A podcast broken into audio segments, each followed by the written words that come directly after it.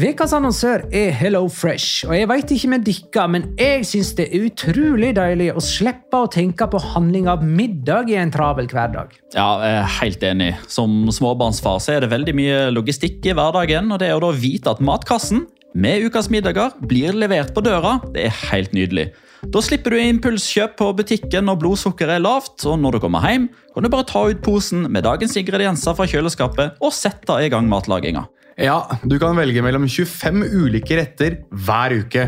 Og de har faktisk en egen kategori som heter Raskt og enkelt, med masse enkle og gode oppskrifter. Veldig greit å ikke måtte ty til takeaway hver gang det er hektisk på jobb. Jeg gleder meg spesielt til sterk chilikylling i min neste kasse. Jeg blir sulten bare av å tenke på det. Ja, Det er ikke feil med bacon og cheeseburger heller, da. Og det som også er bra, er at matkassen koster det samme hver uke, som gjør det enklere å holde matbudsjettet. Ja, og så blir det ikke matsvinn heller, fordi du får akkurat det du trenger til hver eneste rett.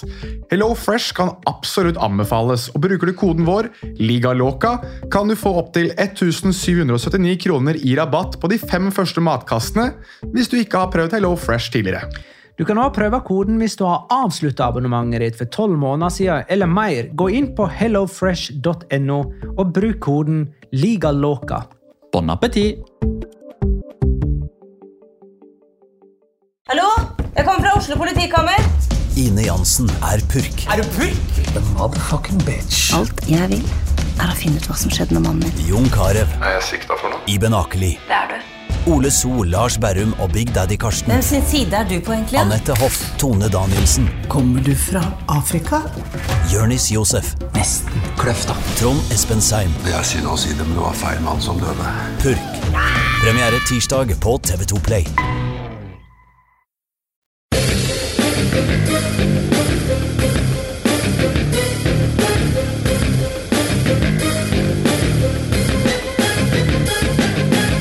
Har du sett? Real Madrid er det eneste laget fra den spanske bakgårdsligaen som er videre i Champions League, og likevel klarer de ikke å slå Girona.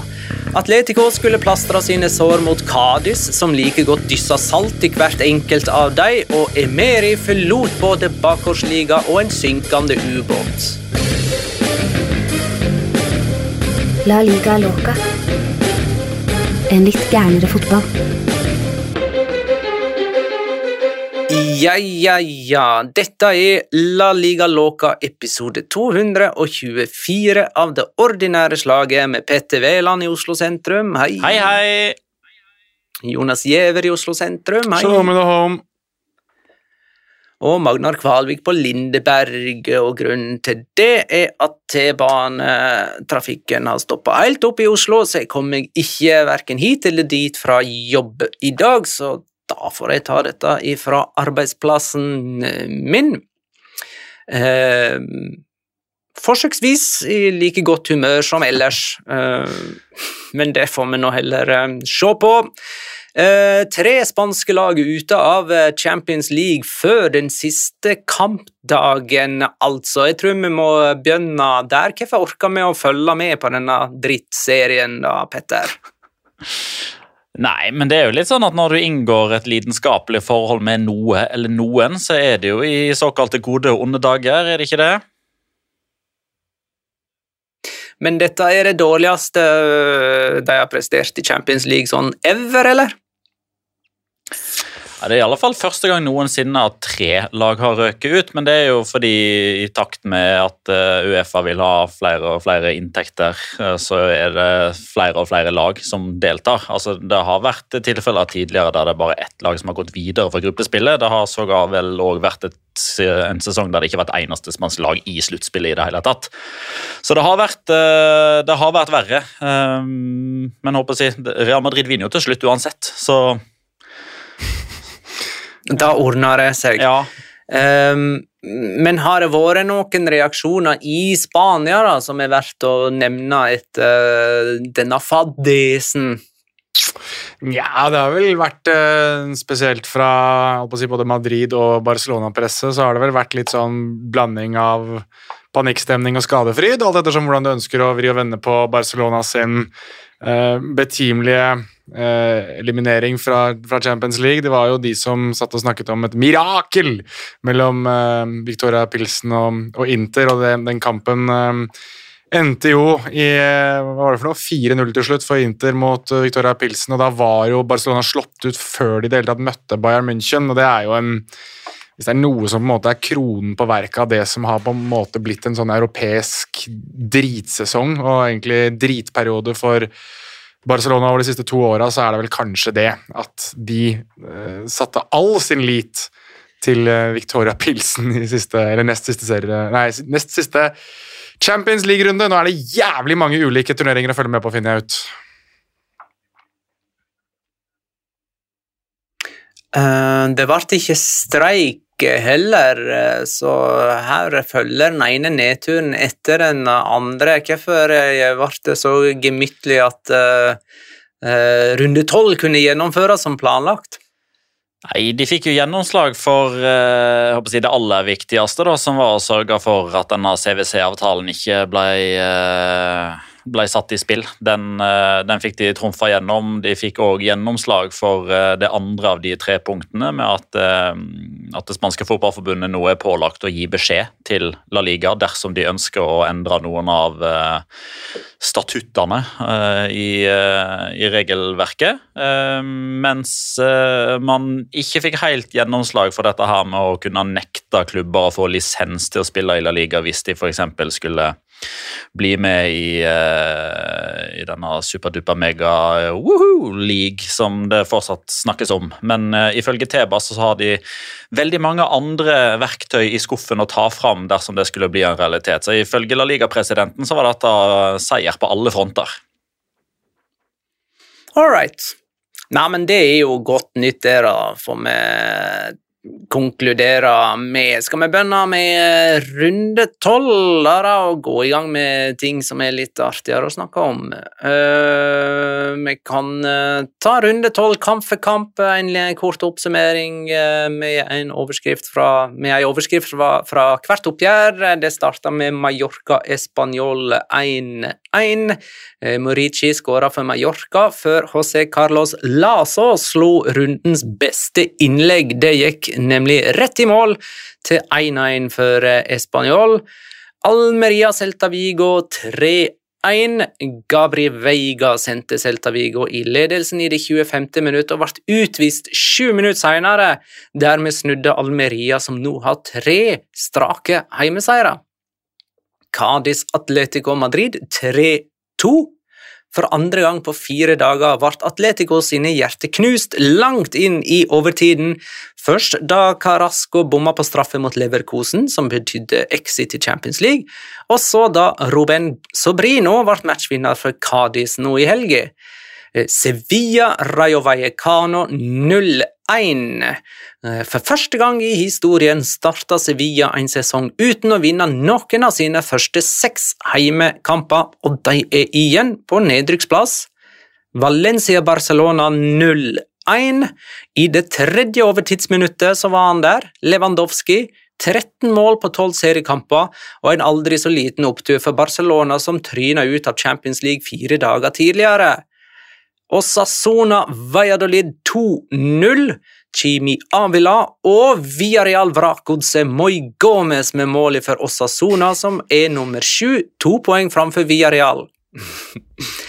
Real Madrid Girona 1-1.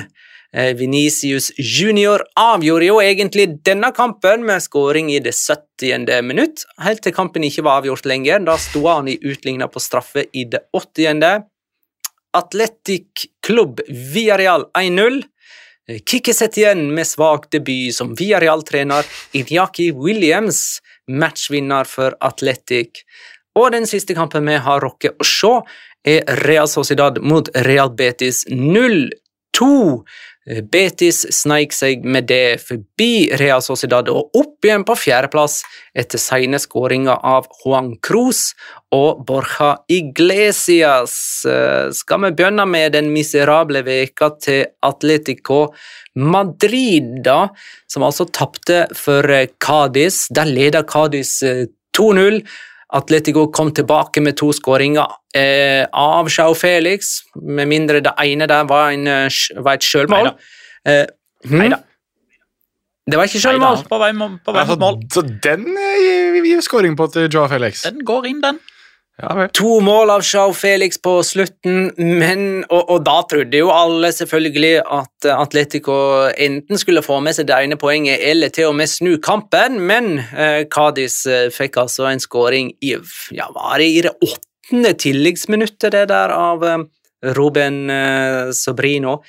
Eh, det som kjennetegner storlag som får en dårlig start Ja, hva har du lyst til å si, Petter? Nei, Jeg skulle vel til å si at eh, vi var, var så vidt inne og nikka på det niende tilleggsminuttet, da, så det var i spilleminutt 99. Ja, nemlig. Eh, Det som kjennetegner storlag som får en dårlig start, er at de spiller bedre og får resultatet de trenger når de har kniven på strupen, men så gode er rett og slett ikke Atletico Madrid eller Jonas.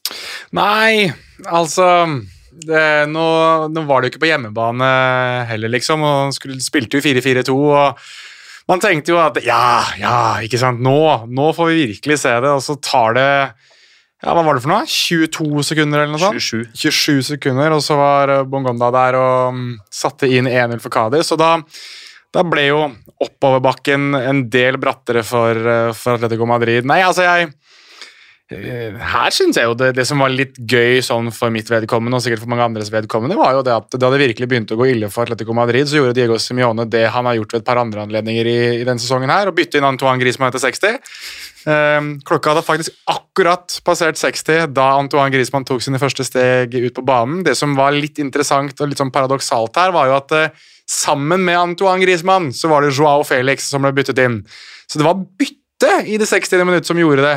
Men det var ikke Antoine Griezmann som, eh, som snudde oppgjøret. Eller i hvert fall eh, virket å ha snudd oppgjøret før eh, det 99. minutt. Så det var litt gøy. Det var litt sånn Litt sånn, hva skal jeg si for noe, sånn før-halloweenish stemning på at det var en del spooky og bisarre ting som skjedde utpå der. Det har vært mye snakk om Simiones i framtid i det siste. Er det verdt å ta en diskusjon på det, eller, Ja, men jeg syns paradoksalt nok at det ikke har vært det.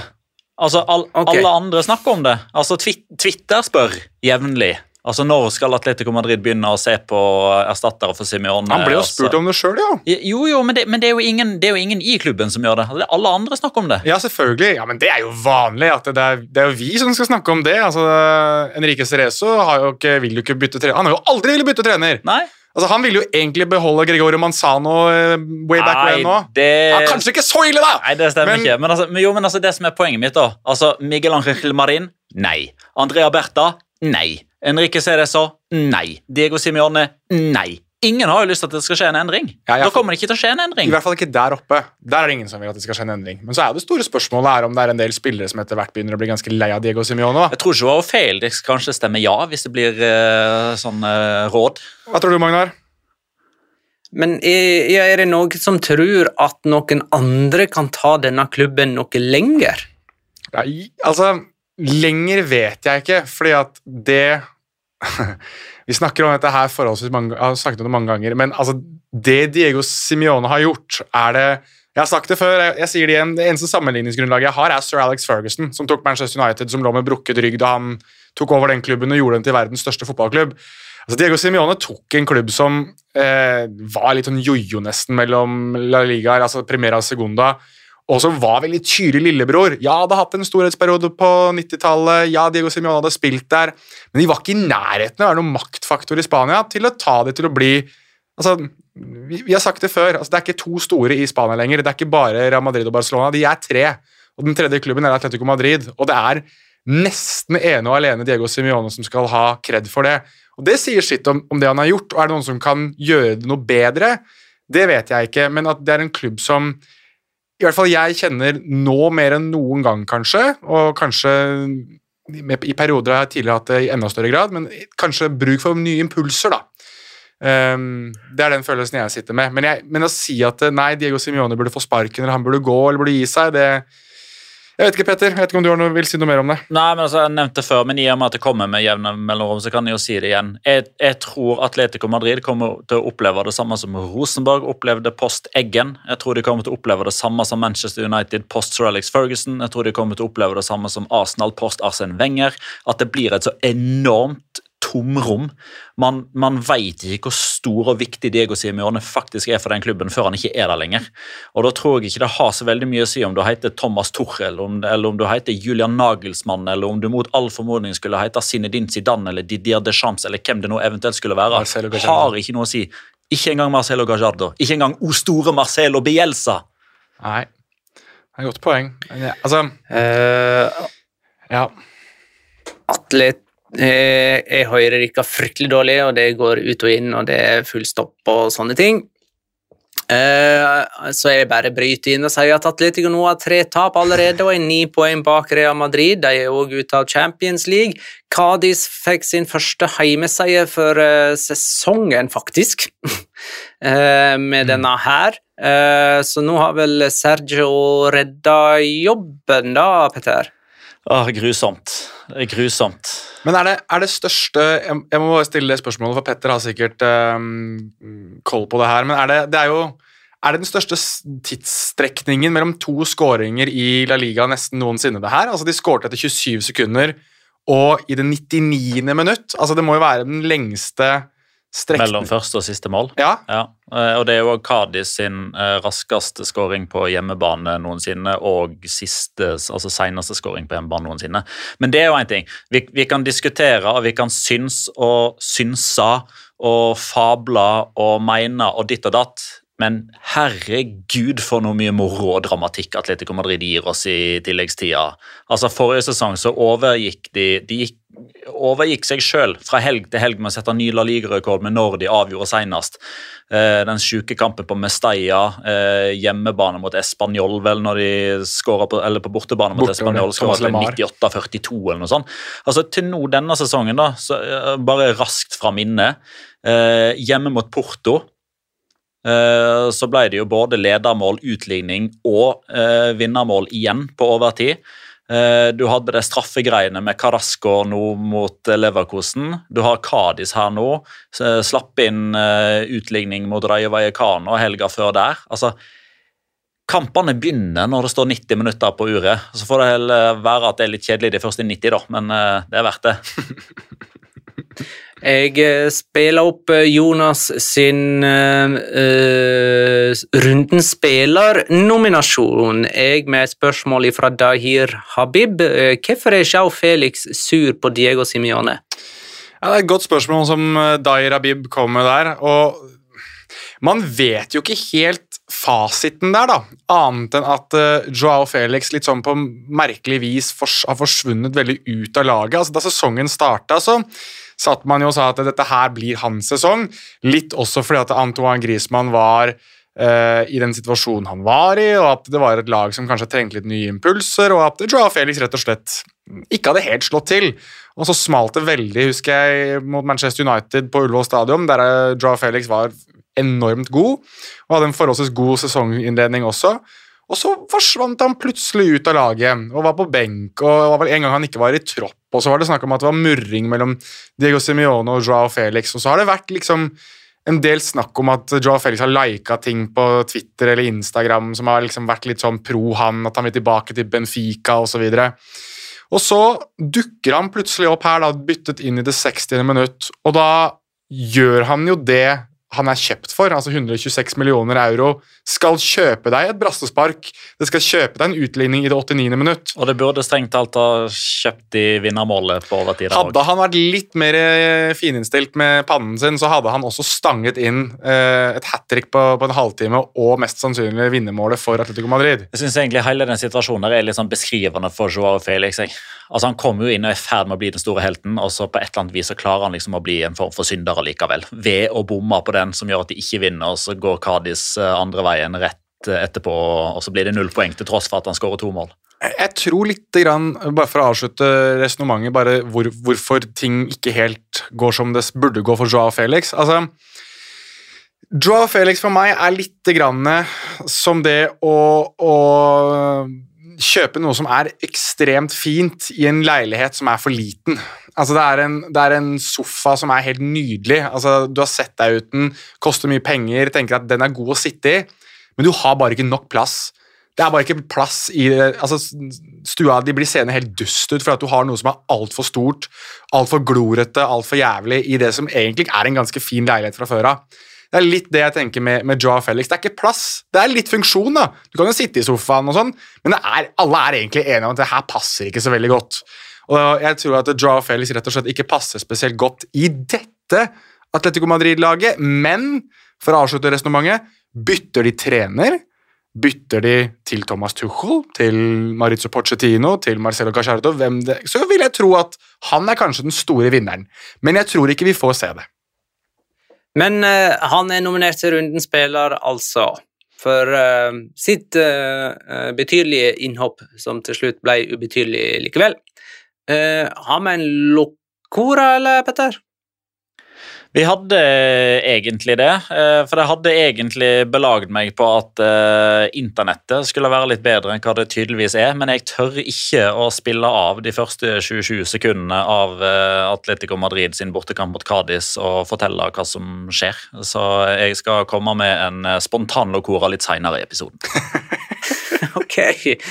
Eh, det hørtes ut som en original Locora, der vi altså skulle spille av 27 eh, sekunder av en fotballkamp eh, på en podkast. Ja, ja. Da får du rope når du har en Locora på gang, da. Petter, vi hopper videre til neste oppgjør. På min liste det er Valencia-Barcelona som endte 0-1 på Mestalla. Eh, for å ta litt Champions League der òg, da. Hvordan var reaksjonene til, fra de involverte i Barcelona etter eh, exiten i Champions League, f.eks.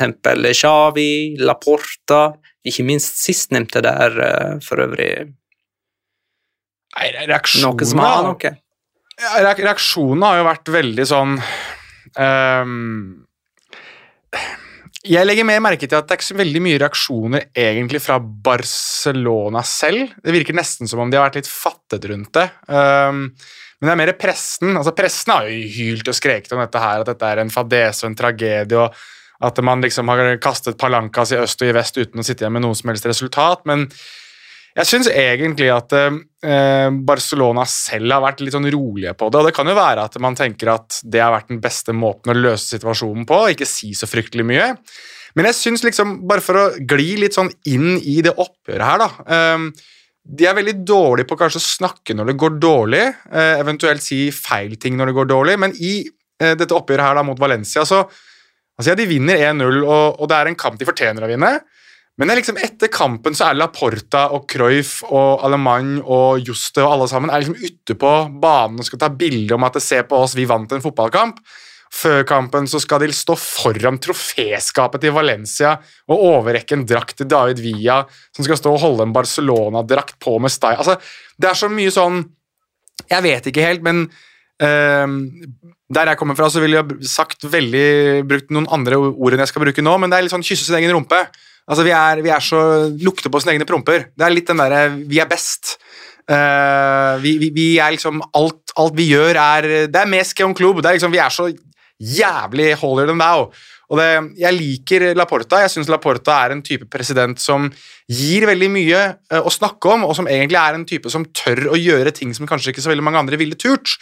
Men jeg synes når det kommer til den selvforherligelsen som, som Barcelona har gjenopptatt litt nå, så syns jeg de, de, spenner veldig ben på seg selv. Uh, så får vi se da om, om uh, mot slutten av sesongen om vi får uh, noen sånne pokaloverrekkelsesbilder der Cruyff og Juste og Laporta står og holder trofé sammen. Men, jeg legger jo merke til at uh, får uh, veldig mange meninger kasta mot seg veldig ofte. Uh, og det er jo ikke så veldig overraskende, egentlig, fordi han trener den klubben han trener. Han er den han er. Men det som jeg begynner å legge merke til, er at det er ganske mange nå som enten uttaler seg på radio eller som skriver i avisene, som begynner å ta litt sånn til orde for at han begynner å bli en populist. Mm. Med at han eh, eksempelvis skal ha sagt etter El Clásico at ja, de tapte, men han var fornøyd med spillet. Og han, så lenge han er fornøyd med spillet, så får det heller bare være at de taper. Eh, og så spiller de til, etter egne standarder da, en, en, ganske dårlig bortekamp mot Valencia. Jeg er helt enig i at de fortjener å vinne etter spill og sjanser, men de er heldige som får den uh, hensen på Samuelino uh, eller hensen på Marcos André som gjør at skåringa til Samuelino blir annullert. Dette er en kamp som, som, de vinner fordi de er litt heldige og har marginer, og selvfølgelig fordi de er dyktige. Men etter kampen da, så, så får han spørsmål han får den påstanden slengt tilbake om at ok, greit, i dag så var dere dårlige, men dere vant, så er du, er du happy eller er du ikke happy? Og Er det sånn, jeg er alltid happy når vi vinner. Eh, så, så, Han snur kappa litt sånn etter vinden, eh, og det er egentlig noe jeg ikke forventer av Chavi, for det han har alltid slått meg som en ekstremt prinsippfast type. Nå er han litt sånn, han sier det som passer seg. Mm, enig.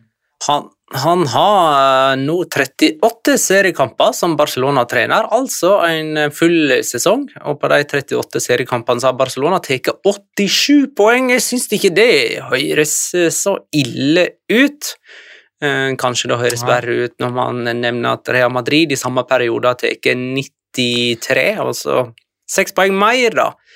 Men eh, jeg tror du treffer veldig bra der, Magnar. Bare for å, å si, skyte inn. at Jeg tror at det at Real Madrid har vært så ekstremt dominante og på en måte ser en sånn ny oppblomstring av en potensiell storhetstid, gjør at alle statistikker som Chavi kanskje knuser, da, og ting som han gjør og forbedrer fra tidligere, ser litt dårlig ut satt i, satt i sammenligning, fordi Angelottis Real Madrid Selvfølgelig også med tanke på Zidane før det òg, men altså, Real Madrid har bare vært så ekstremt gode da, over en så lang periode nå at jeg tror nesten uansett hva Chavi gjør, med unntak av å vinne tre trofeer eller et eller annet sånt, nå, det, det, det, blekner. da.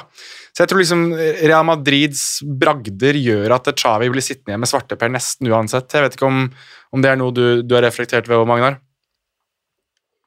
Ja, nei, når eh, de ryker som de gjør i Europa, så er det nesten alt overskyggende etter sommerens eh, palankas. Og så eh, blir det jo Europa likevel på mm. Barcelona. Det er allerede sikra, sant? Ja. ja. Ja, og Viktor Hallnes spør hvem har størst sjanse til å vinne Europaligaen av Sevilla, Atletico og Barcelona, og hvorfor? Ja, Sevilla, da. De er jo programforplikta til å vinne, er ikke det? Ja, det er i alle fall Sevilla som har mest erfaring med det. Som, men, men, du skal ikke se bort ifra at dette her er altså Atletico og Madrid har vel egentlig vunnet den turneringa de i alle fall to av de tre siste, om ikke de to siste gangene de har deltatt. Fordi ja, de er en del av de tre store. Det er jeg helt enig i det. har også tatt til orde for gjentatte ganger, men de er desidert minst av de tre store, og nok den som finner mest motivasjon i å vinne Europaligaen, selv om det i hermetegn bare er Europaligaen. Real Madrid vet ikke hva Europaligaen er engang de har hørt om at det finnes en turnering som spilles på torsdager, men den har de aldri deltatt i, og det, det kommer de sannsynligvis heller aldri til å gjøre. Fordi innen, uh, innen den tid så har de fått til den der superdriten sin. Uh, og Barcelona prøvde forrige sesong, lyktes overhodet ikke. Og jeg tror òg at etter hvert her nå utover våren så kommer de igjen til å komme i en posisjon med skader med karantener, at de er nødt til å legge de aller fleste uh, eggene sine i La Liga-kurven. Fordi Europaliga-trofé det er skinnende flott og fint, og det er et trofé, men det redder overhodet ikke sesongen hvis det er det eneste trofeet de tar. Mm -hmm. To strake heimetap for eh, Valencia mot eh, Mallorca og Barcelona. Cavani ut med ankelskade, bare sånn for å gjøre vondt verre. Chris Robin Eriksen han var vel på Mestalla. Mm. Eh, og har gitt oss eh, flere punkt, deriblant dette. Barcelona vinner som vanlig på Mestalla og har gjort det til si greie. Hvor elendig er statistikken for Valencia sin del mot Barcelona i Valencia? Eh, og den måtte jeg sjekke opp, og det er vel faktisk sånn at Barcelona bare har ett tap på Mestalla på de siste 14 årene! Siden 2008. Ja, så har de jo òg en uh, vane, eventuelt en uvane, eh, avhengig av hva leir man tilhører, med å avgjøre disse kampene her på overtid. Mm. Um, det gjorde de i alle fall i bare i 20... Ja, har jeg gjort det så mange ganger? Jeg husker Nei, det, godt den der det er i hvert fall tre ganger de siste uh, seks. Jeg tør ikke å røre av PC-en min i uh, frykt for at uh, hele koblinga raser sammen her. Men det, jeg legger hodet på blokka og sier at i hvert fall tre av de siste seks seirene har vært sånn helt, helt på tampen. Jeg husker Busquets hadde én, og så har Messi hatt én. Ja. ja, men det stemmer sikkert. Eh, Real Madrid Girona endte altså 1-1. Og jeg som trodde Real Madrid skulle ta ni poeng i sine siste tre seriekamper før vinterpausen, mot Girona, Valladolid og Cádiz, dette skulle de jo bare spasere inn. Men så nevnte jo du, Petter, noe om at det er jo akkurat i sånne kamper de faktisk snubla. Men det var vel faktisk først og fremst under Zinedine Zidane? Ja, og først og fremst mot Cádiz. Eh, Og Levante. men de har, eh, de har slitt mot Girona òg. Ja, der svir jeg av min eh, Locora først eh, som sist, jeg. Eh, Girona er det eneste La Liga-laget som ikke har flere tap enn seire mot Real Madrid. De har to seire, to tap og én uavgjort med det som fant sted i helga. Um, Peter Losvik spør ranger betydningen av fraværet av følgende spillere for Real Madrid sin sitt bananskall her, da. Eh, Karim Benzema, Eder Militao og Chouameni. Åh Jeg um, åh, hvem, skal, hvem skal man si er uh, verst der, da? Jeg er litt sånn usikker, faktisk. For jeg syns de har vist at de klarer seg forholdsvis bra uten Benzema, egentlig. Jeg syns jo den er ganske klar, da. Ja, Du mener det, Benzema? Ja. Jeg eh, Dette blir min brannfakkel, men jeg går for Edre Militao, jeg.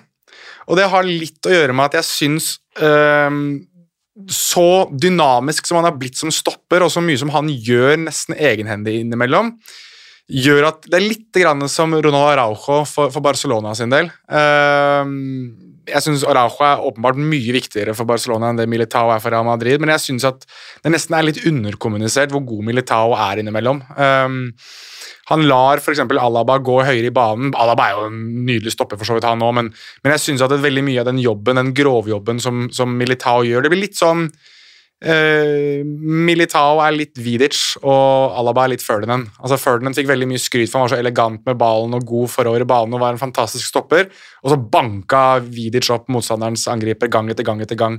Der er ikke Rudiger for eksempel, like god ennå, i hvert fall ikke like vant med å spille i Spania som det Militao er. Eh, og jeg synes at den, det, det jeg har fått sett, sett av det oppgjøret her, jeg har ikke sett hele kampen riktignok, så syns jeg at det er mye tydeligere at Militao og Alaba er mer komfortable med hverandre, naturlig nok. Og derfor så føler jeg også at de uh, det er kanskje det er der uh, det er der det skorter mest for Real Madrid, så Eder Militanos kan jeg kanskje kalle han for i den kampen her. Er en del Real Madrid-supportere som eh, vil ha oss til å snakke om fotballregler og sånne ting, etter at eh, Rodrigo fikk sin skåring annullert, angivelig fordi at Girona-keeper hadde kontroll på ballen, og så eh, skal noen stillbilder motbevise dette. Jostein Lian eh, skriver skal ikke keeper måtte ha to hender på ballen, ref, eh, ref, eh, ref det annullerte målet til Real Madrid. Nei. Det holder med ei hånd så lenge det, den da er i kontakt med en, en annen overflate. Og den, det kan være stolpe, det kan være tverrligger, men viktigst av alt det kan være gresset. Og Det er nøyaktig samme årsak som gjorde at eh, den eh, potensielle 3-3-skåringa i Almeria Girona forrige torsdag òg ble annullert. og Det er det som er så deilig når det er snakk om enten Real Madrid eller Barcelona, som har veldig mange supportere som er dedikerte til akkurat de to klubbene. De ser sitt eget lag og håper de vinner, og så ser de Barcelona og håper at de taper, og omvendt. Og så er ikke det nødvendigvis eh, ennå blitt en sånn kultur for at man ser andre kamper. og eh, Jeg skal ikke laste noen for at de ikke så Almeria Girona, men haha, jokes on you, den var 3-2 og kjempekamp. Men der var det en nøyaktig lik situasjon der Christian Stuani fikk en skåring annullert. og Det er 100% riktig annullering, det er 100% riktig utvisning med to gule på Tony Cross. Den jeg forstår blir debattert, er den til eh, Asensio. Før du går for, går, Vi kan gå litt også, men jeg bare får sagt det at jeg gjorde et poeng ut av å se pressekonferansene her. Jeg var veldig nysgjerrig på hva trenerne sa i forbindelse med den situasjonen med, med den annullerte skåringa. Og der er Mitchell, altså treneren til Girona, sitter selv og sier at uh, det der mener jeg er scoring. Han mente at Real Madrid ble fratatt en skåring altså regelmessig. Mm. Altså i, henhold til regelverket, i henhold til eh, spillets lover og regler, så eh, er det nok riktig med en annullering. Ja. Men han mener som fotballmann, som en som har spilt fotball, som har levd fotball, som vet hvordan fotballen fungerer, at det, den scoringen burde ha stått. Og det syns jeg var så forfriskende. Mm. Jeg synes Det var fantastisk å høre en trener som ja, snakker litt mot eget lag, men samtidig er sånn Vi forholder oss til reglene, men fotballmessig scoring. Men det skal sies at det hører jo til eh, historien at det er da bare ti dager i forveien så har jo han stått på en pressekonferanse og sagt at dette skulle vært scoring! Ja, okay. Så han hadde ikke noe valg, for å være helt ærlig. Men jeg hyller han, jeg òg. Det er ikke Pepe Bordalas som hadde snudd kappa etter vinden der. Nei, det er en, eller Chavi. eller Chavi, for så vidt. Ja. Så, men eh, jeg vet ikke, Magnar, om du har lyst til å gå inn på det, Om du tør å bevege deg inn på enda en hens-diskusjon. Det blir jo da hens-diskusjon 726 i uh, La Liga Locas historie. Eh, ja, det er jo Ansensio sin henste da, som førte til straffe, går ut ifra. Mm. As Ashensio, er det det du prøver å si? uh, men hva skal vi si om den, da? Nei, men altså, jeg, altså Det jeg lurer på, er er det egentlig så veldig mye å si? Altså, Det sitter en VAR-dommer som mener at dette er straffe. Melero Lopez bruker tre sekunder når han ser på skjermen der og bestemmer seg for at dette er straffe. Eh, Og Da er vi tilbake til dette her. Bør det være straffe eller ikke, ut ifra hvordan eh, spillets gang er og, eh, og hvordan fotballen forventer at reglene skal være, og hva vi som supportere og, og seere og fans ønsker at det skal være? Det er, liksom, det er en annen diskusjon som må bli håper å si, mer eh, Det som er problemet, er at i løpet av en sesong så er det ekstremt mange som mener noe om hvordan fotballreglene skal være, men når sesongen er ferdig, så er det ingen som har overskudd eller gidd eller ork til faktisk å ta det opp, som sørger for at i, det, i den tidsperioden der det faktisk er mulig å endre regelverket, da er det ingen som snakker om det, fordi da skjer det ikke sånne situasjoner som gjør at uh, hukommelsen gjør at man kommer på at å ja, stemmer det, jeg er uenig med offside-regelen, eller jeg er uenig med hands-regelen, eller tilbakespillsregelen, eller hva det nå skal være. Man kan ikke endre regler midt i sesong, og da må dommerne dømme etter det regelverket som IFAB har satt. Det er 1. juli hvert år. Uh, Tony Cross fikk eh, rødt kort eh, i denne kampen. Det var hans første på sine 740 offisielle kamper som profesjonell eh, fotballspiller. Jøss. Um, hmm? Nei, jeg bare jøssa, for jeg, jeg ville Ja. jo gjette på at han ble Jeg ville gjette på at det hadde skjedd tidligere, men har det ikke det, så kudos til han. Eh, og Christian Stuani han har skåra fire mål på sine tre kamper på Santiago Bernabeu. Eh, to av dem på straffe, hans eh, spesialitet. Real Madrid har avgitt poeng i to seriekamper, og det har kommet hjemme mot Osasona og Girona. Det er fantastisk. Skal vi se Neste kamp jeg Nei, du må vente på litt. Jeg må, ta, jeg må få ta locoraen min i så fall. Ja, ok. Ja, nei, er, Jeg vil bare ha det unna. Jeg, men jeg, jeg, vi snakket om det sist gang Girona var oppe, og det var en ting vi snakket mye om da, husker jeg, og jeg vil gjerne ta det opp igjen. og det er altså disse kapteinsbindene til, til Girona. De eh, var i hvert fall et tema mm, som sagt, da de var oppe sist. Denne gangen her så hadde de jo laget et spesielt kapteinsbind. De har jo ofte hatt det sånn at de har laget kapteinsbind som gjerne er en liten hyllest til motstanderen. Det gjorde de i hvert fall sist gang de var oppe. Denne gangen så hadde de et kapteinsbind som var nesten sånn artistisk eh, tegning av det som er en sånn eh, ja, Hva kaller man det for noe? Fires de Girona? Altså en sånn Girona-festen? altså Sånn som man har en gang i året flere steder i Spania. Du har jo Fallas for eksempel i, i Valencia. Der hadde de laget en sånn litt sånn kul uh, illustrasjon da, av feiring videre med logoen sin. Og jeg synes det var litt sånn gøy at det var i lyseblått, uh, som sto veldig godt til draktene deres i den kampen her. De, eh, som sagt, Jeg håper at folk begynner å følge litt mer med på Girona sin Twitter-konto. Fordi de legger faktisk ut når de har nye kapteinsbind, med en forklaring på hvorfor kapteinsbind er som det er. Um, og ofte veldig gode, tydelige betydninger på de ulike kapteinsbindene de har, istedenfor sånne kjedelige greier som veldig mange andre bruker. Så kudos til Girona som gir oss noe å snakke om i form av kapteinsbind der, altså. Sevilla Rayo Vallecano endte altså 0-1. Rayo sin første seier i premiera på Ramón Sánchez Pijuan noensinne. Eh, Seks seriekamper under San Pauli nå for Sevilla, og én seier eh, der. Mangelen på det umiddelbare løftet etter trenerbyttet er kanskje et symptom på svak stall, og ikke at San Pauli har bedre løsninger enn Lopetegi, nødvendigvis.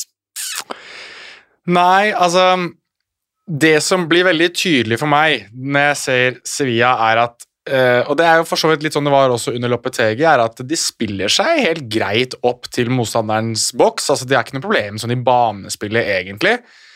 Men de mangler en spiss, og de mangler en spiss som kan gjøre mål jevnlig. og det blir liksom sånn, Vi har snakket om det en del ganger, men husker dere den gangen da Westham ville legge 30-40 millioner euro på bordet for Josef Nesiri?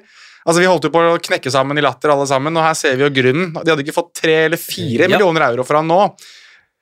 Og Rafa Mir, som jeg er veldig glad i, fortsatt, så vidt det er. Uh, men uh, kjærligheten min er uh, Den begynner å bli tynnslitt for Rafa Mir, den nå, altså. Ja, og det er ikke fordi den er i ferd med å gå over til Kasper Dolberg. På ingen måte. Nei. På ingen måte. Og jeg tror ikke Magnar, jeg tror ikke du akkurat har latt deg blende av Marcao, for Eh, nei, jeg har ikke latt meg blende av noen Sevilla-spiller uh, siden ja, kanskje desember 2021. Altså, for, for, kan jeg være så snill, jeg må bare få lov til å lese opp startoppstillinga til Sevilla den kampen. Kan jeg få gjøre det? Bare sånn for at folk skjønner hvor dritt det her er? Altså, Det er Dimitrovic i mål, det er Montiel, Godel, Marcao og Alex Telles. Det er, det er, eh, det er sånn banter-era-forsvar for Sevilla sin del. Så er det Rakitic og John Jordan på midten, for så vidt ok. Så er løperekka bak Erik Lamela eller Isco, alt ettersom hvem du har lyst til å ha som falsk nier. Altså, Janusai og Oliver Torres. Altså, Hva er det her for noe? Dette her er et lag som vi snakket om for et par år siden kunne potensielt utfordre for La Liga-tittelen. Altså, det Laget her hadde, er så vidt de klarer å kvalifisere seg til Conference League kanskje denne sesongen, her, og da er de heldige. Hvis de kommer på øvre halvdel, sånn som de leverer nå, så er de heldige. Altså, dette er Jeg kan ikke huske en klubb, jeg. Kan ikke huske et lag som har gått fra å være så gode til så dårlige på så kort tid, og så markant dårligere spiller for spiller som det de er her. Det kommer ikke til å gå så ille nå, tror jeg. Ja, du kan godt godt si det. Men de to siste gangene Sevilla åpna en La Liga-sesong uten å vinne noen av de sju første hjemmekampene sine, så har de endt sist begge gangene. Jeg tror ikke det blir så ille nå. Jeg tror ikke. Men, men Rayo er på niendeplass og Sevilla på nedrykk, så det var kanskje ikke så overraskende at eh, Rayo vant eh, denne kampen. Eh, Christian Hauboff, hvis jeg uttaler det etternavnet riktig, ber oss snakke om kommende El Gran Derby, for det er jo neste kamp for eh, Sevilla. De skal til Benito via Marin. Uh, ja. Ja, Hvor ille tror du det blir? uh, nei uh, det blir, liksom, det blir liksom aldri sånn skikkelig ille, uh, rent bortsett fra kanskje disse her kampene mot City og Dortmund. uh, men uh, at de taper, oh yes. Ja, ja, altså, det, De kan jo ikke vinne her. Er det, er det denne kampen vi skal tippe på etterpå, Magnar? det er det. Ja, men Da kan jeg si det allerede nå. Jeg tror de vinner, jeg. Det er så Ja. typisk. Mm -hmm. Kan jeg få komme med en fun fact? Ja. Det er syv års aldersforskjell mellom Jorge Sampaoli og Manuel Pellegrini. Det er syv år mellom de to! Så er du, se på disse to! Se på Det de ser ut som far og sønn, bare at de ikke ligner på hverandre i det hele tatt. Se på de to! Bare se måten de oppfører seg på, utseendet på dem, eleganse osv. Det er syv år! Manuel Pellegrini er syv år eldre. Han er 69 år. 69. Og, og Jorge Sampaoli er 62 og tror han fremdeles skal ut på Route 66 med Hells Angels-jakka si og kjøre motorsykkel hele veien gjennom USA. Det er altså Men, men stemmer det, Petter, at eh, det er sånn første gang siden slutten av 90-tallet eller noe at Real Betis øver Sevilla når de møtes, eller i alle fall med så stor differanse, da, med så stor eh, poengforskjell Ja, for eh, nå- i sin favør? Ja, for nå er det jo en markant forskjell her. Altså, Real Betis har 23, og Sevilla har 10. Altså 13 poengs forskjell. Eh, så det, det høres plausibelt ut, det, altså. Og det er, jo, det er jo nettopp da de ikke klarer å slå Sevilla, er ikke det det? Jo, det er da de, ikke, det er da de eh, knebler for presset, Real Betis. Ja, og så er det også en, sånn- en sånn annen sånn typisk ting her, da, er jo at når noen begynner å snuse litt på Atletico Madrid, så klarer de aldri helt altså de, Ja, det kan godt hende at de liksom tar seg forbi eh, og, og overnatter eh, ei helg på tredjeplassen, men så fort du kommer liksom opp på tredjeplassen i La Liga, så klarer du ikke vinne neste kamp. Det er en liten sånn forbannelse over den. Mm, Og Real Betis de er altså nå nummer fire etter å ha sleget Real Sociedad. Eh, Borja Iglesias leverer jo til den store gullmedaljen. Han har åtte mål og to målgivende. Han og Lewandowski er de eneste to spillerne med eh, ti målpoeng, eller altså tosifra. Eh, så ja.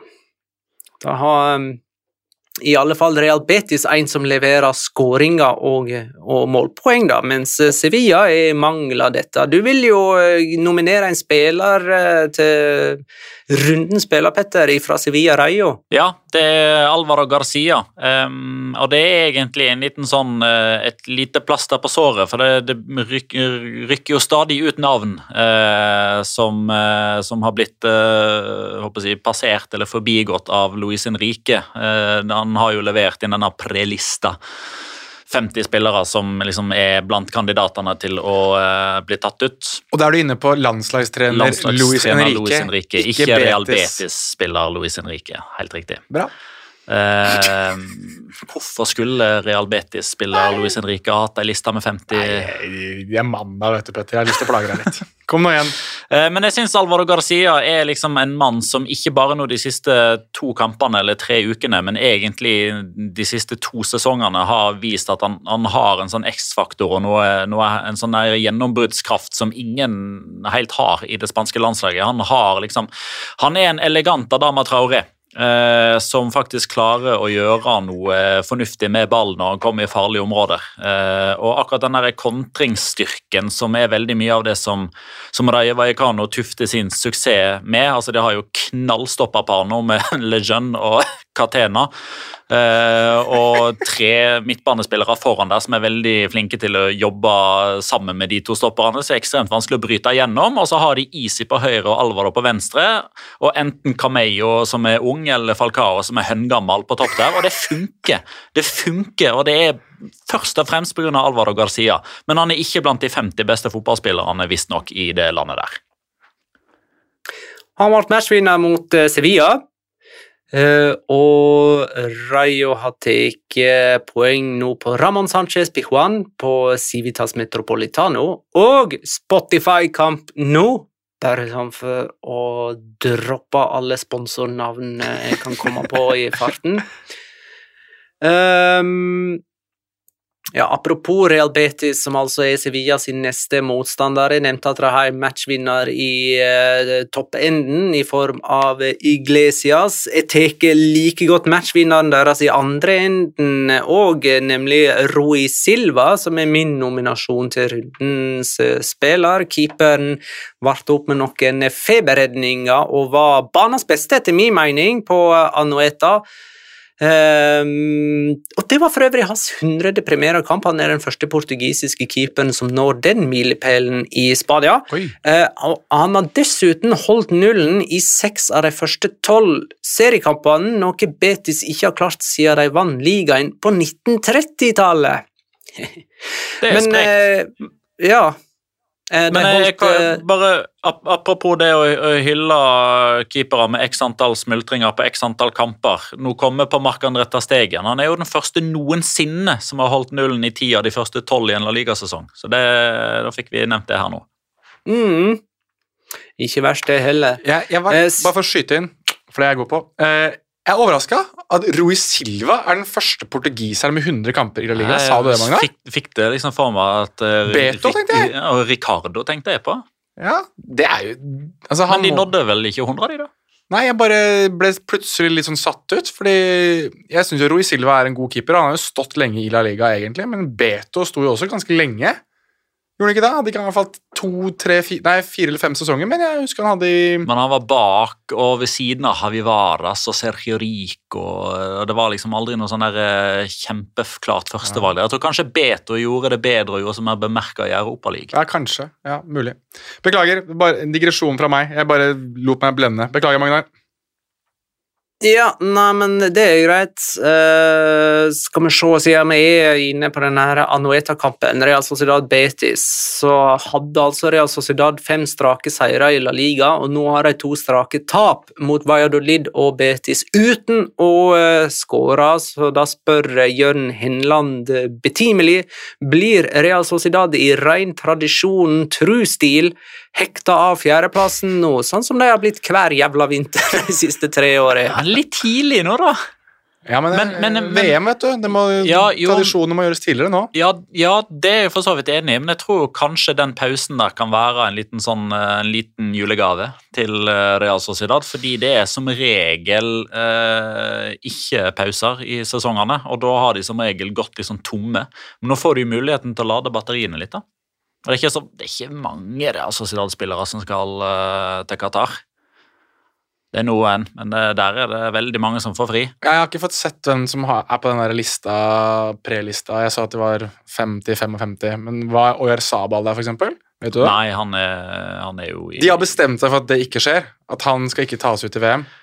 Det ville sjokkert meg. Altså, Mannen har jo ikke spilt fotball på åtte måneder. Ja, men han var jo kjæledegget til Luis Henrique før, uh, før han skadet seg. Ja. Nei, det tror jeg ikke. Ikke noe, altså, hvis, da, hvis de hadde kunnet fått lov til å tatt med så mange som overhodet mulig, men jeg tror ikke han tar plassen til noen. Det tror jeg ikke. Nei, ok, greit. Mikkel Merino skal nok. Ja, riktig. Beste spilleren i ligaen, ifølge Dag Basil. Eh, ok, vi sier at det var svar på spørsmålet, og så går vi videre til neste kamp som er på min liste. i Atletic Klubb via Real. Den endte altså 1-0 eh, for Atletic. Eh, du, Petter, virker å være takknemlig overfor alt det Unai Emeri har gjort for Via Real, men det å stikke av midt i sesongen, da? Ja, det kunne ha blitt gjort på en mer smidig måte. Det er det jo ingen som helst tvil om. Eh, optimalt sett så hadde han jo liksom eh, blitt værende og, og bytta klubb eh, mellom sesong, som jo er det mest noble å gjøre, men det er liksom den Europa League-trofé-varianten der, den semifinalen i Champions League, gjør at han, eh, han, eh, han skal få lov. Eh, altså, det hadde nok vært mer såra av Von Bråten hvis eh, Ernesto Valverde hadde gjort det, eller Marcelino hadde gjort det, eller noen andre av de tidligere trenerne. Men Unai Emedi, han eh, han har gjort seg fortjent til å være douchebag, eh, så han, eh, han skal få lov til å være douchebag og reise til, til Birmingham og bli nummer 15 i Premier League. Det skal han få lov til. En uhyre dyr 15.-plass for Aston Villa der, altså. Men altså, er du oppløfta og positiv til Kikki igjen? Ja, nå er han jo sett igjen. Ja, eh, mm. Det blir trykka stemning, altså, med disse dårlige vitsene deres. Det blir stille, det blir litt sånn pinlig eh, Vet du hvem jeg kan skylde på denne, denne uka her? Så har jeg faktisk noe jeg kan skylde på for dette. Jeg har nettopp hørt ferdig Våre venner i Heia Fotball sin episode med Harald Tingnes. Det er bare ordspill fra start til slutt. Oh, da vet jeg hva jeg skal høre på i bilen på vei Ja, hjem. og jeg er påvirka. Så Harald Tingnes og spesielt Sven Bisko Sunde, litt grann Tete Lidbom i episoden der òg, er deres feil. Dette er deres feil. Makkverk. Kikkeset igjen har jo ikke akkurat fått en kjempestart. da. Det må jo sies. 2-2 hjemme mot eh, den israelske storheten Hapoel Bersheva. Eh, det var jo så som så. Riktignok en kamp som ikke betydde noe som helst, fordi vi hadde var sikra førsteplassen og alt det der, men det hadde liksom vært greit for han å komme ut av startblokkene med en seier i en kamp der de var store favoritter. Det klarte han ikke. Og så syns jeg de var gode de første 15-20 minuttene, men så var det noen som bare trykka på en bryter. Om det var noen som skrudde av Viadial eller på Atletic, det er litt usikker. Kanskje var det begge deler. For den 1-0-seieren den var veldig fortjent, og Viadial var ordentlig bleike. Fikk ikke til noe som helst. Um, og så er det jo ikke sånn at Kiki Setien er en sånn fantastisk fagmann og magiker at alt han tar i blir til gull, og at det er sånn fra dag én. Men jeg syns han i Las Palmas, i Betis og til tider i Barcelona har jeg, gjort seg fortjent til å få den Villarreal-jobben. Eh, Villarreal er ikke større enn som så. altså De kan ikke plukke på høyeste nivå. og Blant de som var tilgjengelige nå, så, så prøvde de seg jo etter sigende på Pochettino og fikk blankt nei. Eh, jeg tror faktisk ikke de ringte Gallardo. Kanskje har ikke de lyst til å liksom være den første som, som tar i hand i Europa. Jeg kan jo forstå at det er veldig stor Eh, hva skal jeg si at det er altså, ja, altså En ting er at det er fallhøyde, men altså, jeg skjønner veldig godt at man er entusiastisk over det Gajardo har fått til i, i River Plate, men det er noe helt annet å trene i Europa. Det er Ja. mange andre argentinere som har klart gode ting der, og så har de kommet til Europa, og så funker det ikke. Jorge Almiron er jo et godt eksempel på det. Han er et eksempel på det. Um, og da var det liksom Det var noe snakk om Marcelino, men Been there, done that, tenker jeg. Så jeg var egentlig ganske happy om jeg ikke sett igjen. Men fotballen er jo så resultatorientert at hvis han ikke får det til, så er det jo en dårlig signering. Uh, men, men altså, han skal, få, han skal få mer enn de to kampene her, altså. Det skal han. Eh, I andre serierunde, var det vel, så vant Villarreal 2-0 på Metropolitano. Eh, siden det så har ikke de skåra et eneste bortemål. Eh, seks strake bortekamper uten mål for første gang i La Liga-sammenheng for deres del. Eh, all, er det noe mer dere har lyst til å si fra den kampen der? Nei, jeg så det ikke. Det, det, var, det var det jeg ville ha skutt inn. Vi kan jo nevne at Inyaki Williams spilte sin seriekamp nummer 244 på rad. Og ble matchvinner. Og ble matchvinner, ikke minst. Vent nå litt. Iñaki- Iñaki Williams har derfor altså flere kamper på rad i La Liga enn det vi har episoder. Det la jeg merke til nå. Det er i hvert fall ordinære episoder. Det, er, det skal jeg begynne å bruke framover. Mm. Almeria Celta Vigo endte altså 3-1 til Almeria. Nå er det november, så da er Kodett snart ferdig. Sant? Altså, de ligger på 15. To plasser lavere enn det jeg tippa de til slutt. Nå er han snart ferdig. Jeg er på vei ned fra den hesten min, altså. Jeg er det. Ja, du er det, ja? Ja. Det er bra, Petter. Eh, Celta-hesten skal få lov til å ri videre alene nå. Jeg synes veldig synd på Jorge Playa Jørgenstrand Larsen, det oppgjøret her. Jeg gjør det, altså. Fordi det, det oppgjøret her, der lå det veldig mye til rette for at jeg trodde han skulle få sin første scoring.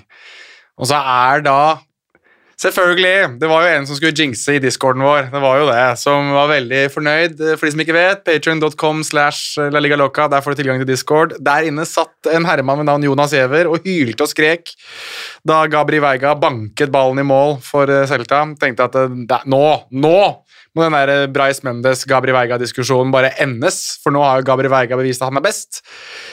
Syv minutter etterpå var det rett i dusjen, ja. Direkte rødt kort. Så, mm, og Jørgen Strand Larsen ble tatt ut i pausen. Og derfra ut så var det vel egentlig bare ett lag på banen, som var Almeria, fordi Celta faller sammen som et korthus hver gang ting ikke går deres vei.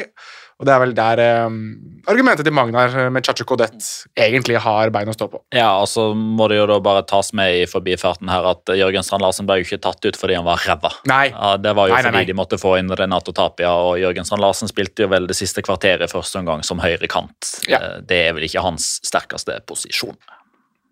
Ett poeng på de siste fem seriekampene for Celta Vigo. To nylige tap mot nyopprykka Valladolid og Almeria.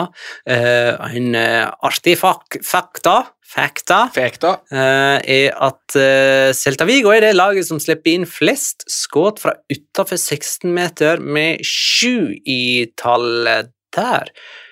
Og Sassona Valladolid inntil 2-0. Der vil jeg bare nevne at Eitor Fernandes var tilbake Ja. mellom stengen for Osasona, og han holdt selvfølgelig nullen igjen. Han har null baklengs på sine to kamper, og det vil si at han har holdt nullen like mange ganger på sine to kamper som Sergio Herrera på sine ti kamper. Eh, Så liksom alt, eh, både det man ser og det som er rent statistiske fakta, tyder på at Eitor Fernandes er dobbelt så god som Sergio Herrera, men likevel så er det Sergio Herrera som er førstekeeper, og han var ute nå pga. skade. Ja, men det er jo, det er jo der det kommer. ja, men ryktene vil ha det til at han var såra. Og følelsene hans var såra. Han hadde hørt på en podkast fra Norge. Ja, ja det, det er skummelt, det. Han bør holde seg vekke fra norske podkaster. Men, men, men det skal han ha, Eitor Fernandes. Det skal han ha, Eitor Fernandes. Eh, at han Jeg tror han hadde vunnet et kappløp av La Liga-keeperne. Er Eh, 60 meter, 100 meter. Så den ene han hadde der eh, i første omgang Jeg husker ikke helt hva som var foranledningen, om det var en dårlig pasning eller dårlig touch, eller om det var en klarering, eller om man skulle hindre ballen til å gå ut til corner eller kaste, eller noe sånt. Men hadde frekvens i beina, ass. Kjapp, eh, kjapp keeper. Jeg synes også, jeg må jo bare fornevne det siden han scora. Jeg blir like glad jeg hver gang Jimmy Avila scorer mål. Jeg bare, det er et eller annet med det som gjør meg glad. Men det straffesparket der, er det verdens beste straffespark som er umulig å ta, eller er det egentlig et litt dårlig straffespark? Med litt for høy risiko. Eh, nei, men når det er Jimmy Avila, så er det ment det. Det er ment, det er kjemperisiko, det er jo det. Men eh, her går det veldig veldig bra, og da er det verdens beste straffespark. Og så er det et par centimeter andre veien, og så er det verdens dårligste straffespark. Men det er litt sånn Jimmy Avila er. Altså, han lever på risken. Hans liv er født i risiko. Så jeg tror faktisk han gjorde det med vilje. Eh, Sona fikk her sin femte heimeseier, og dermed har de like mange heimeseiere denne sesongen som hele forrige sesong, og de er altså nummer sju på tabellen. Det er de som har den derre konferanseligaplasseringen.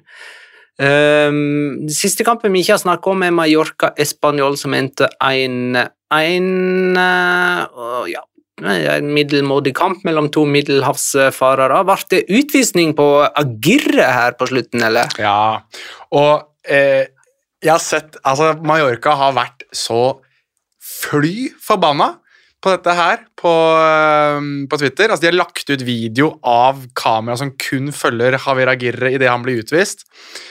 Og det, eh, altså, det som er ganske åpenbart i det klippet, da, er at Javier Agirre gjør ikke så veldig mye. Men det som kommer fram i dommerrapporten, er jo det at han skal ha klaga og sutra og hylt hver, altså gjennom hele kampen. At til slutt skal dommeren ha sagt at nå er det faen meg nok, og vist han ut. Og det er jo litt sånn veldig sånn eh, Kan vi si at det er en spansk ting, akkurat det her? Det å bare ta ut et lite strekk av klimaks i en situasjon, og så bare drite i det som har skjedd i, i eh, forløpet av eh, den faktiske situasjonen. Altså, Javier Agirre er en veldig eksentrisk, veldig livatt trener på en litt sånn avmålt måte. Altså, han er ikke Diego Simione, han er ikke Jorge Sampaoli, han står ikke og hopper og skriker, han er ikke Una Emery, han, han er veldig rolig. Men han er alltid den som har reportasjer i El Dia Despoes, eksempel, der de liksom eh, finner ut hva han har sagt i løpet av kamper osv. Så, videre. så jeg skjønner at det er noen dommere som blir drittlei hele han. Og Det her tror jeg skjedde i det oppgjøret her, og da han ble utvist, så så han ut som et stort spørsmålstegn og ble Han så ut som han hadde sett spøkelser på høylys dag. Ja, det er ikke så langt under halloween. Men han nektet jo, han nektet jo å gå. Han ble jo stående ganske lenge etterpå. Til han liksom var sånn Ja, det kommer ingen og sier at jeg ikke er utvist likevel, nei.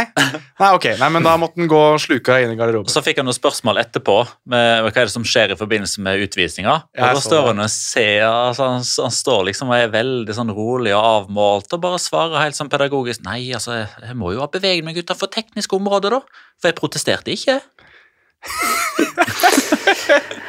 Er tiende gangen han blir utvist i primærdivisjon. Eh, kun Mendelibar av trenere har flere, med tolv. Men eh, jeg må få, jeg må få skyte inn. Altså, eh, Paolo Maffeo eh, Han protesterte! Jeg må få sagt det at eh, dette kunne vært en Locora, egentlig. Jeg burde kanskje heller ha hatt det. Altså, Han ble byttet ut med skade i første omgang, og klarer å klage på seg rødt kort etter å ha blitt byttet ut med skade i første omgang. Altså, det er ganske sinnssykt. Det er nesten litt sånn eh, Han har sett hva Mukhtar Jakabi gjorde for et par serierunder siden, og sagt 'hold my beer', og så bare virkelig tatt for seg. Det er ehm, et av de mer imponerende eh, røde kortene jeg har sett fra en spiller. Og så kan vi ta med konteksten her da, at Både Mafeo og Agirre blir jo utvist rett etter at Mallorca mener at de skal ha et straffespark. Som de skal eh, ha. Angel Rodriguez eh, blir eh, 98% feid i bakken, og de 2% ball som dommer Det var det ingen påsto som hardnakka. Det- Jo, altså Hvis man legger godviljen til, så ser jeg altså, han er borti ballen, men Nei, det er så vidt. Men det er jo, det er jo klart straffespark. Men det er klart at når, når dommer så helt åpenbart klart og tydelig står og gjør den der han er på ball-bevegelsen med hendene, da er VAR litt sånn bundet på begge hender, for han kan ikke si eh, nei, han er ikke på ball, fordi han, han er på ball, men dom, det burde være straffe. Altså, Dommer får sikkert beskjed eller, eller, sier at han har sett situasjonen. Det er jo det han gjør tydelig der. Og han har jo åpenbart ikke sett Jeg synes at han, han kan ikke ha sett hele den situasjonen der, uansett hvor mange vinkler du ser det i, for det er jo det som er fantastisk, for det er ikke så mye som skjer postmatch-sendingene for rettighetshaver, så du får jo se alle mulige situasjoner i flere vinkler om igjen og om igjen og om igjen og om igjen, og om igjen hvis du sitter lenge nok. Og det gjorde jeg her, og jeg fikk se den situasjonen ganske mange ganger. Og ja, det er riktig som du sier, det er så vidt en liten touch på ball, men altså, kom nå igjen, da. Det er, det er åpenbart at det der er et straffespark. Ja. Mm, hadde du en lokora, Petter, eller skal vi bare si at det meste du har sagt, uh, faller inn under kategorien? Ja, det er overtidsminuttene uh, til Atletico Madrid, så vi bare, bare spol tilbake igjen og hør det jeg sa om overtidsminuttene til Atletico Madrid denne sesongen, og så spiller du en sånn der locora-jingle i huet ditt mens du gjør det. ok. Skal vi se Hva var det jeg tenkte på? Jo, vi må eh, bli enige om eh, hvem som er rundens eh, spiller. Vi har altså Rui Silva, Alvaro Garcia og Chau Felix. Ja, jeg jeg syns at den tid Alvaro Garcia, som jeg har snakket mye om denne sesongen her også, og for så vidt forrige sesong òg, ikke er tatt ut i denne pre-listen, pre-listaen til Luis Enrique, så syns jeg han burde få plaster på såret og bli rundens spiller hos oss. Ok, da kjører vi en slags kompensasjonsrundenspillerutdeling uh, til han. Uh, da skal vi tippe. Forrige kamp det var Real Sociedad mot Real Betis som endte 0-2, med Juan Cruz som første målskårer. Jeg hadde 2-1 med Fikir. Petter hadde 1-1 med Mendes, og Jonas 1-0 med Kubo som første målskårer. Det er null poeng på hele bowlingen. Eh, og totalt da har jeg 16 poeng, Petter har 15 og Jonas 4. Og neste kamp er Real Betis igjen, eh, mot Sevilla søndag klokka 21. Det er altså på Benito Villamarin. Jeg sier 2-1 til Betis med Iglesias som første målskårer. Skikkelig sånn original eh, tipping. Petter kjører borteseier, du skjønner jeg? Ja, jeg kjører 1-2. Eh, så er det jo klin umulig å forutse en startelver for Sevilla her, da. Eh, men eh, vi tipper at Erik Lamela starter og skårer, vi. Yes. Jonas? Uh, jeg skal gå for noe litt sånn uh, sprekt. Uh, det, jeg må bare nå. 4-0. Betis 4, Sevilla 0. Første målskårer Alex Moreno. Han hadde en god kamp han eh, på Anueta eh, med to målgivende pasninger. Vent, vent, han kommer til å skåre 2-0-målet når Betis vinner 2-1. og Magnar får full pott på resultat. Jeg får ett poeng for å ha riktig sånn HUB. Petter får ingenting denne gangen her. Så sklir Magnar enda mer forbi. Vent og se! Alex Moreno blir matchvinner her med den 2-1-skåringa si. Ok, men da tror jeg vi runder av før vi mister internett, internettforbindelsen helt. Ja. Uh, så da bare sier jeg takk for at du lytta, kjære lytter. Ha det, da.